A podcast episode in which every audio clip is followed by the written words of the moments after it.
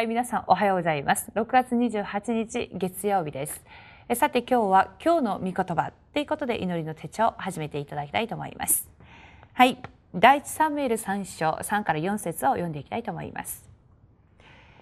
神の灯火はまだ消えていず、サムエルは神の箱の安置されている主の宮で寝ていた。その時、主はサムエルを呼ばれた。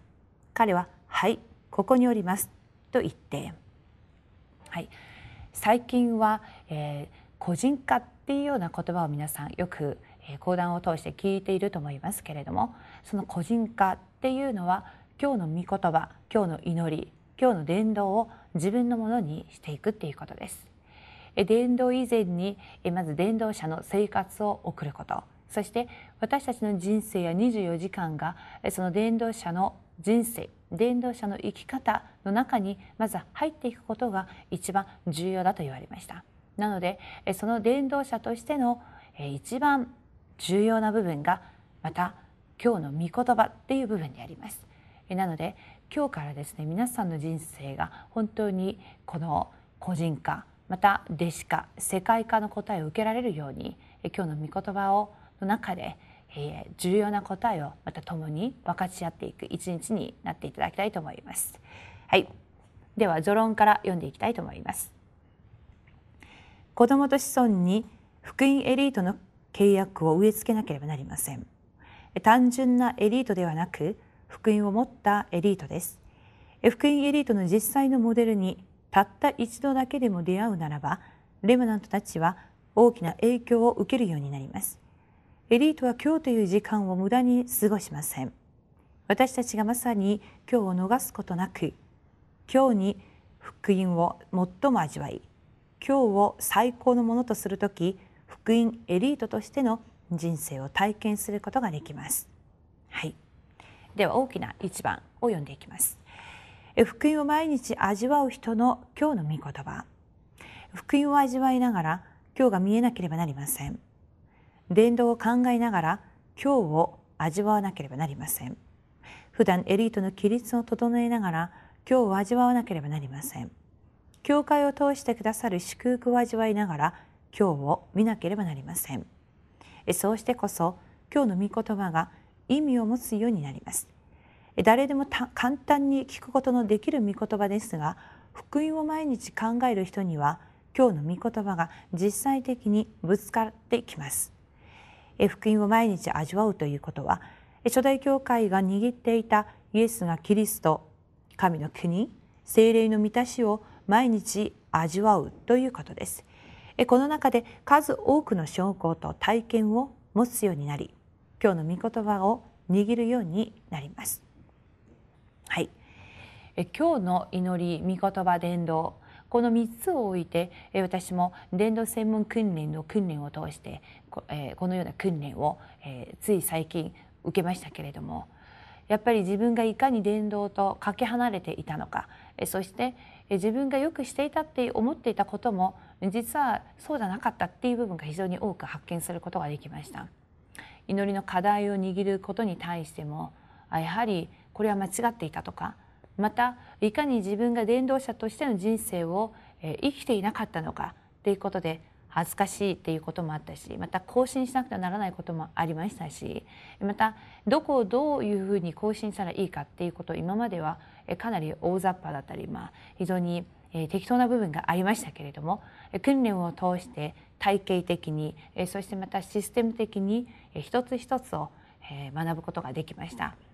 それが訓練で終わることなく実生活の中でそれを実践に移していく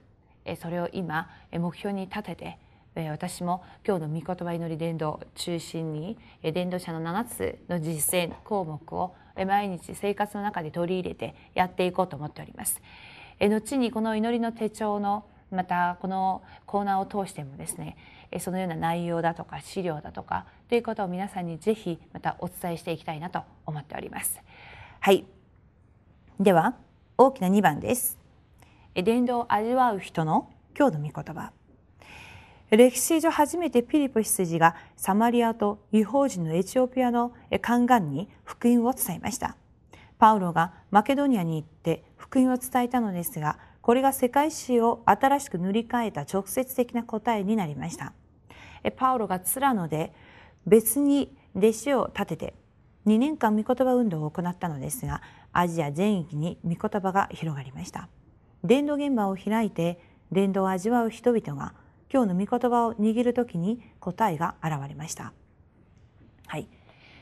私たちは毎日この祈りの手帳を通してまたこの祈りの御言葉また日曜の講談また皆さんの現場だとか水曜礼拝金曜の徹夜会だとかまたま小学校中学高校大学青年とそれぞれの期間でのまた礼拝また集いいろんな革新産業たくさんの集まりがあると思います。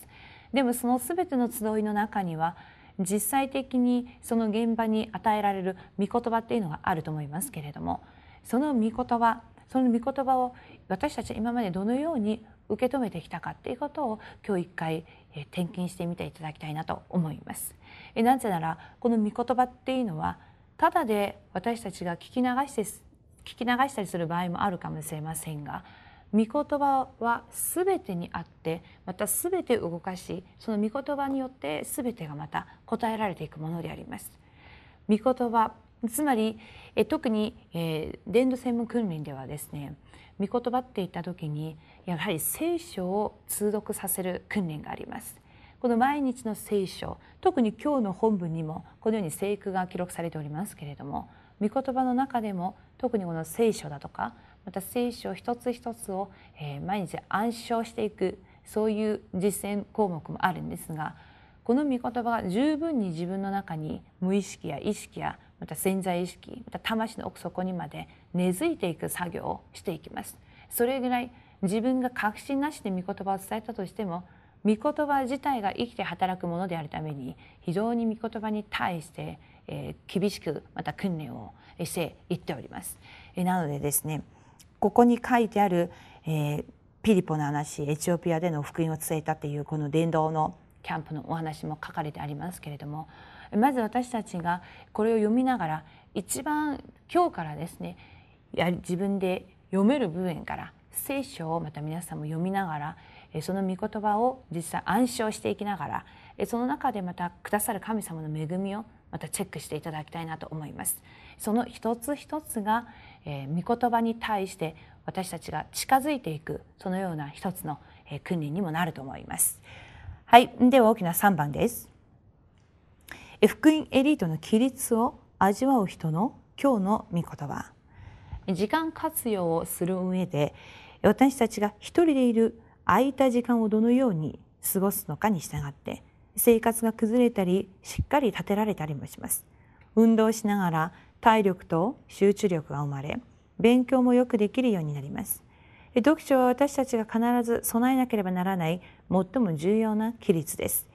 私たちは未来を前もって見ることができなければなりません。そうしてこそ今日の御言葉が特別に自分に迫ってきます。サムエルの胸の中に刻み込まれた契約の箱に対する情念がダビデに伝えられたのですがダビデはこれを今日の御言葉として握りました子孫にエリートの生活と規律伝道者の人生を正しく教え彼らが全世界に向けて思い切り走れる世界的な土台となる RUTC を心に抱かなければなりません。はい、今日本文にありますこのサムエルはいつも神の箱の安置されている主の宮で寝ていました。だからその小さなサムエルでしたが幼い時にこの神の契約の箱そしてこの契約の箱が結局後にペリシテに違法の国に奪われてしまいますけれどもこのサムエルが子供の時に神の御言葉今日の御言葉そして今日の祈り今日の伝道っていうことをずっと幼い時から彼は心の中にまた根付いていったと思います。その刻み込まれたものが結局契約の箱それが早くそれを回復して取り戻さなければならない彼の RUTC 運動が子どもの時にすでに刻み込まれていきました。えなのでその刻み込まれたっていうこと御言葉を通して心の中に刻み込まれた部分が結局サムエルが成長していきサムエルが生きてる間に戦争が一度も落ちなかったくらいまたサムエルが語った言葉は一つもその御言葉は地に落ちなかったっていうくらいに彼は大いなる御言葉のまた答えを受けていたのです。私たちが今日の御言葉っていうこの部分を通して一日をまた新たに始めていただきたいと思いますしまた今もう6月もうこれでほとんど終わっていくと思いますけれども7月からは非常に大事な大会た世界レムナント大会もありますし夏場ですからいろんなまた注意しなくてはならないこともあると思います。今回の夏を今日の御言葉祈り伝道の中でまた答えを受けていくそのような大事なまた素敵な夏を迎えていただきたいと思います。はい、それでは今日のフォーラムの出題です。え今日私が握る神様の御言葉は何ですか？今日を最高のものとするために何をするべきでしょうか？はい、それではお祈りをして今日の祈りの手帳を終わりにしたいと思います。天の父なるお父様誠に感謝します。今日の御言葉を私たちに与えてくださいました問題のある人そして悩みのある人また病んでいる人いろんな教会の葛藤や人間の葛藤さまざまな問題を今日下ろしそれらをに対する神様の御言葉は何であったか一度探す一日になるように願います。御言葉は生きておられます。そしてこの御言葉は地の果てにまで私たちが証人になれるように私たちにで私たちの伝道者として導いてくださいます。その永遠な神の主権の中で広がっていくこの伝道運動の中で私たちがただ見物して人の答えを見て喜ぶのではなく自分自身が伝道者として答えられる一日になるよう願います。言葉は御言葉はすべての武器です。そして御言葉のみがサタンの勢力を打ち砕いていく力であります。今日から御言葉に近づいていき御言葉を愛し御言葉に従っていける私たちでありますように。そしてその大雑把な御言葉ではなく自分自身の御言葉が必ず握れる時までこの御言葉に対するまた御言葉訓練を私たちが受けていけるように願います。今日一日を主が導いてくださることを確信して主イエスキリストの皆によってお祈りします。